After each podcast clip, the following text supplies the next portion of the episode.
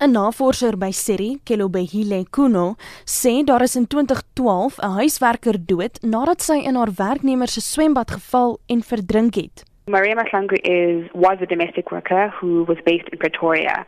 In 2012, she was cleaning the windows outside of her employer's home when she fell into an unfenced pool, an un- uncovered pool, and she drowned, unfortunately. And when her daughter Sylvia went to the Department of Labor to seek compensation because she and her son were dependent on her mother's 2,500 rands salary, they were turned away because um, no contributions had made had been made into the compensation fund because domestic workers were not included as employees in the definition in the act.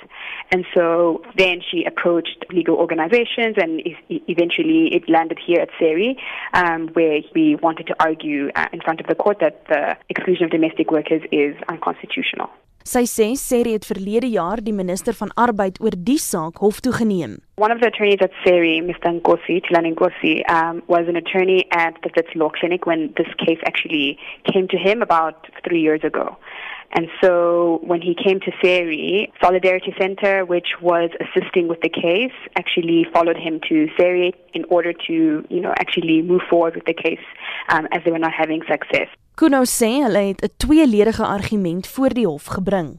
The first part, which was the ruling that was handed last week, was to declare Section 1 of the Quota Act, which excludes this, uh, domestic workers from its definition, as unconstitutional.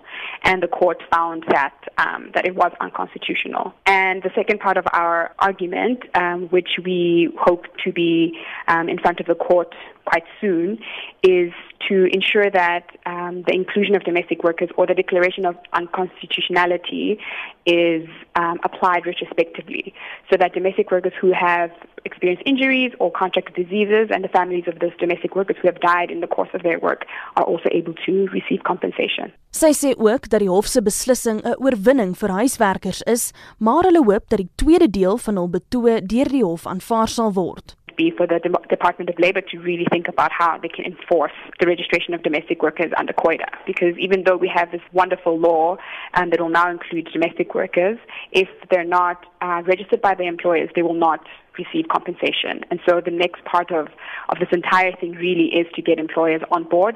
Dit was 'n navorser by Seri Kelebohile Kuno.